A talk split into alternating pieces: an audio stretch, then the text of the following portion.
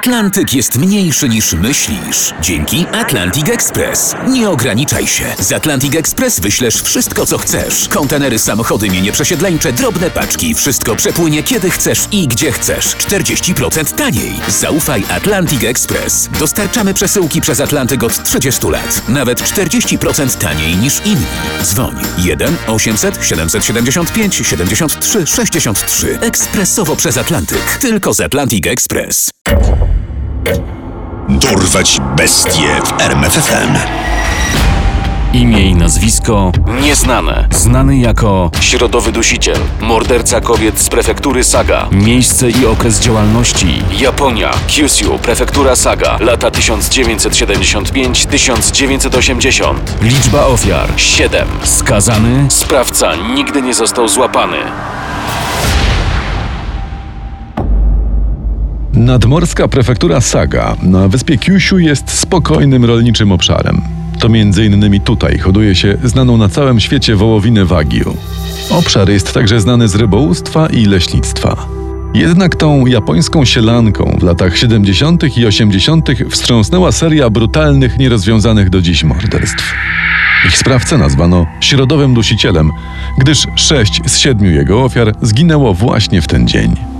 Pechową wakacyjną środę 12 sierpnia 1975 roku 12-letnia uczennica gimnazjum spędzała w domu. Z reguły wieczory spędzała w barze, który prowadziła jej rodzina, ucząc się. Jednak tego dnia postanowiła wyjątkowo oglądać telewizję. Gdy rodzina wróciła do domu, telewizor wciąż był włączony, a buty dziewczyny stały w przedpokoju. Jej samej jednak nie było. Zaniepokojona rodzina wezwała policję. Policjanci po dokładnym obejrzeniu domu postanowili przesłuchać również sąsiadów, których córka zeznała, że widziała, jak nieznajomy mężczyzna szarpał i wepchnął dwunastolatkę do swojego samochodu, po czym odjechał. Dziewczynka nigdy nie wróciła do domu, a dla policji stała się pierwszą ofiarą środowego dusiciela, w mediach i w oficjalnych komunikatach nazywaną Y, od pierwszej litery jej nazwiska.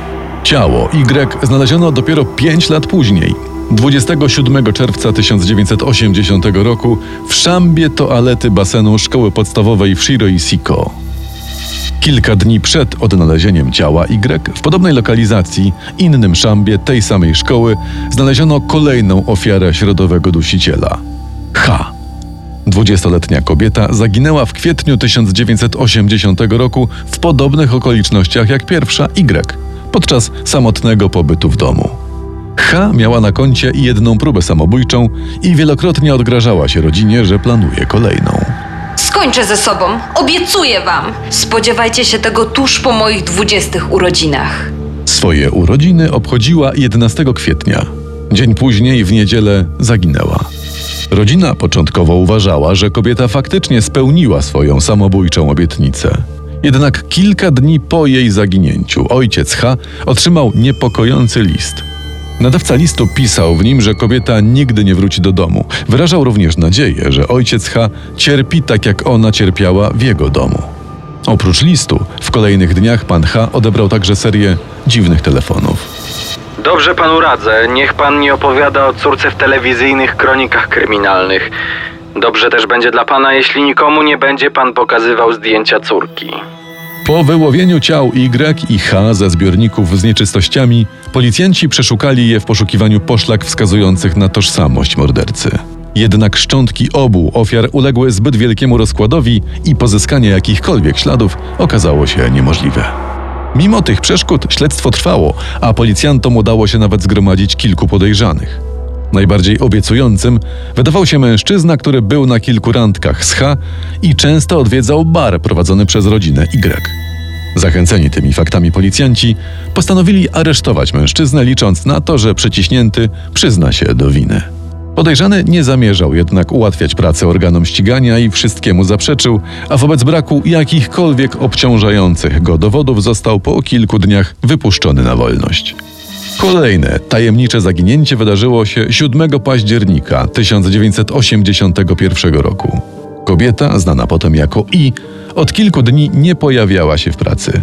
Pytana przez znajomych i pracodawcę o przyczynę nieobecności, odpowiadała: Z moją matką jest bardzo źle. No, muszę się nią zająć przez parę dni. Niedługo wrócę, obiecuję i przepraszam za kłopot. Po raz ostatni 27-latkę widział na ulicy jeden z jej współpracowników.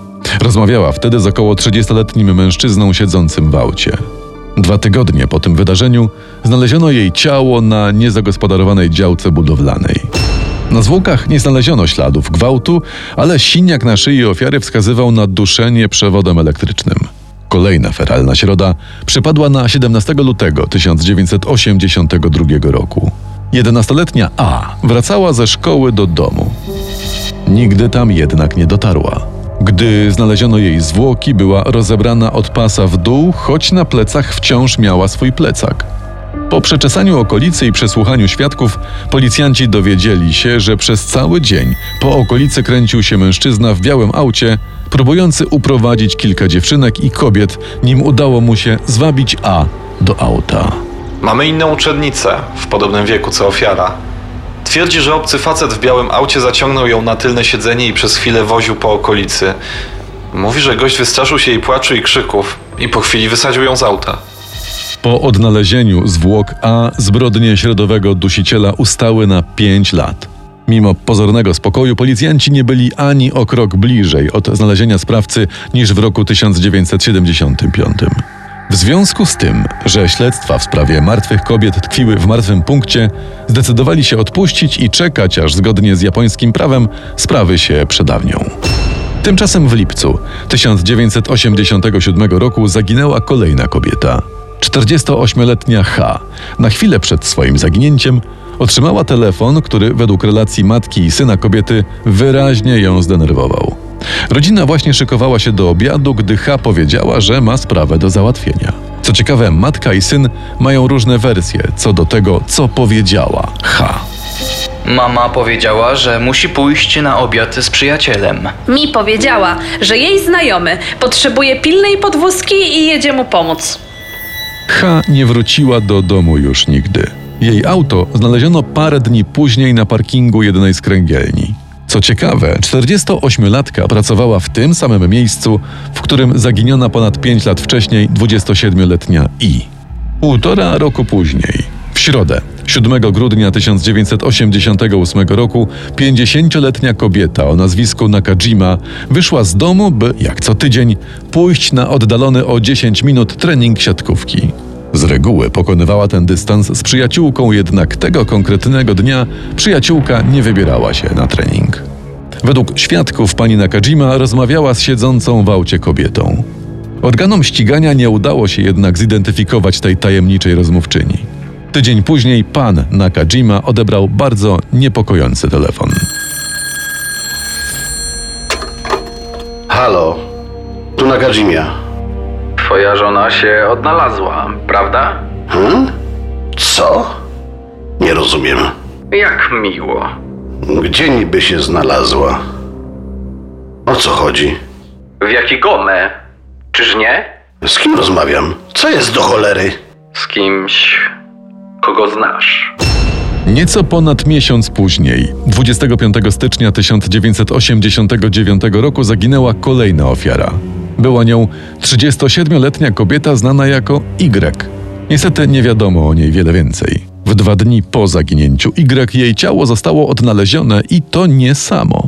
27 stycznia 1989 roku para jadąca na wycieczkę do górskiego lasu w okręgu Kishima znalazła aż trzy ciała kobiet leżące pod klifem.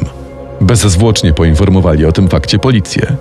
Śledczy stwierdzili, że ciała należą do zaginionych H, Nakajimy i Y. Po przeszukaniu okolicznego lasu odnaleziono także rzeczy należące do wszystkich trzech kobiet. Media i policjanci zaczęli określać te ostatnie trzy morderstwa sprawą z Kitagawa lub północnym incydentem. Wobec zwiększonego zainteresowania mediów tym wydarzeniem, policjanci nie mogli, tak jak poprzednio, spróbować przeczekać sprawy. W listopadzie 1989 roku mężczyzna przesłuchiwany jako podejrzany w związku z inną sprawą przyznał się do wszystkich trzech morderstw z drugiej połowy lat 80. Sprawa z Kitagawa? Tak, to ja zabiłem te kobiety. Jednak chwilę później wycofał się z tych zeznań i trafił do więzienia wyłącznie w związku z niepowiązanym z morderstwami przestępstwem. Morderstwa środowego dusiciela ustały, a policja znowu przestała się nimi zajmować aż do roku 2002, kiedy to Wydział Policji Prefektury Saga zdecydował się na przedziwny krok. 7 lipca, zaledwie 6 godzin przed upłynięciem terminu przedawnienia zbrodni znanych jako północny incydent, mężczyzna, który w roku 1989 przyznał się do morderstw, usłyszał zarzuty. Dotyczyły one wyłącznie trzech późniejszych morderstw, gdyż pozostałe uległy już przedawnieniu. Proces mężczyzny ruszył w październiku 2002 roku.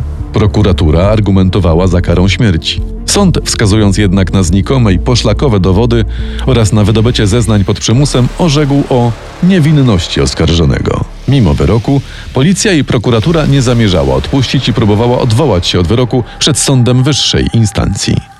Prokuratura przedstawiła kilka dodatkowych dowodów, w tym badania mitochondrialnego DNA. Sąd Najwyższy w Fukuoka, podobnie jak wcześniej Sąd Okręgowy w Saga, wskazując na szereg nieprawidłowości w śledztwie i w pracach prokuratury, podtrzymał pierwotną decyzję. 19 marca 2007 roku mężczyzna został uniewinniony po raz drugi. Prokuratura nie zdecydowała się na złożenie kolejnej apelacji.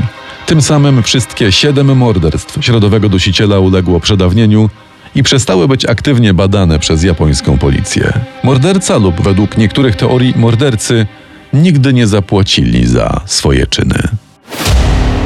Poznaj sekrety największych zbrodniarzy świata. Dorwać bestie w RMFFM.